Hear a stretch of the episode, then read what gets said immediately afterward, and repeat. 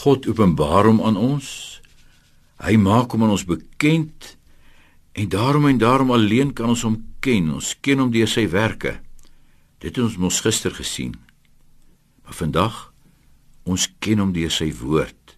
Ons bely hy maak hom nog duideliker en meer volkome bekend deur sy woord. Sy woord. God het gespreek, met die mens gepraat. Hy het sy werke met sy woord kom belig. Dat die Here alles gemaak het, goed gemaak het, dit laat ons in verwondering. Maar dat die Here gepraat het, met nietige mense gepraat het, dis onbegryplik.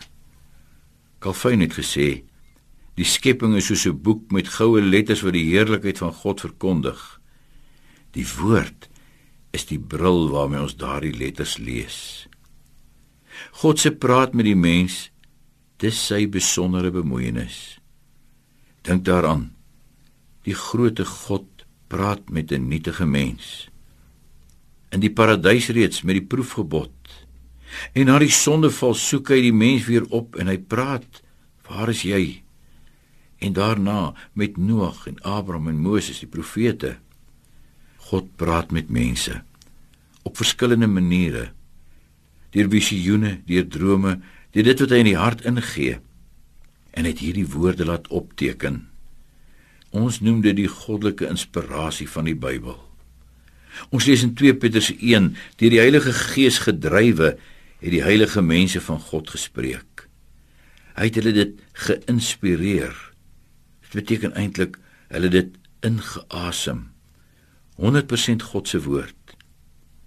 Maar sodat ons God se woord in mense taal kan hê, sy woord in ons taal, mense taal. Daarom is die Bybel ook 100% mense se werk. Die Here maak nie van die Bybelskrywer 'n tikmasjien waarop hy maar net sy woord meganies tik nie. Nee, hy gebruik Dawid se digkuns, Salomo se wysheid, Paulus se agtergrond om sy woord onfeilbaar op te teken. En hy bewaar dit deur die eeue heen in die Bybel 66 boeke oor 2000 jaar geskrywe tog een boek. En deur sy woord praat hy met ons lei hy ons stel hy sy seun Jesus Christus aan ons bekend. En Jesus hy is die woord wat mens geword het. Hy is die fokuspunt die hoogtepunt van die hele openbaring van God. Sodat hy vir Filippus en sy ander disippels kon sê wie my gesien het het die Vader gesien. Dit dan God se openbaring aan ons deur sy werke, maar ook deur sy woord, deur die natuur, maar ook die skriftuur. Kom, dank die Here dat hy hom so ook aan jou bekend gemaak het. Ons Vader, ons dankie. Ons dankie dat U gespreek het. Dat U die wonder van U werke kom belig deur die wonder van u woord.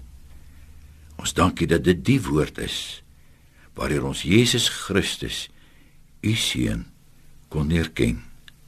Lei ons deur hom en deur u gees om u naam ontwil. Amen.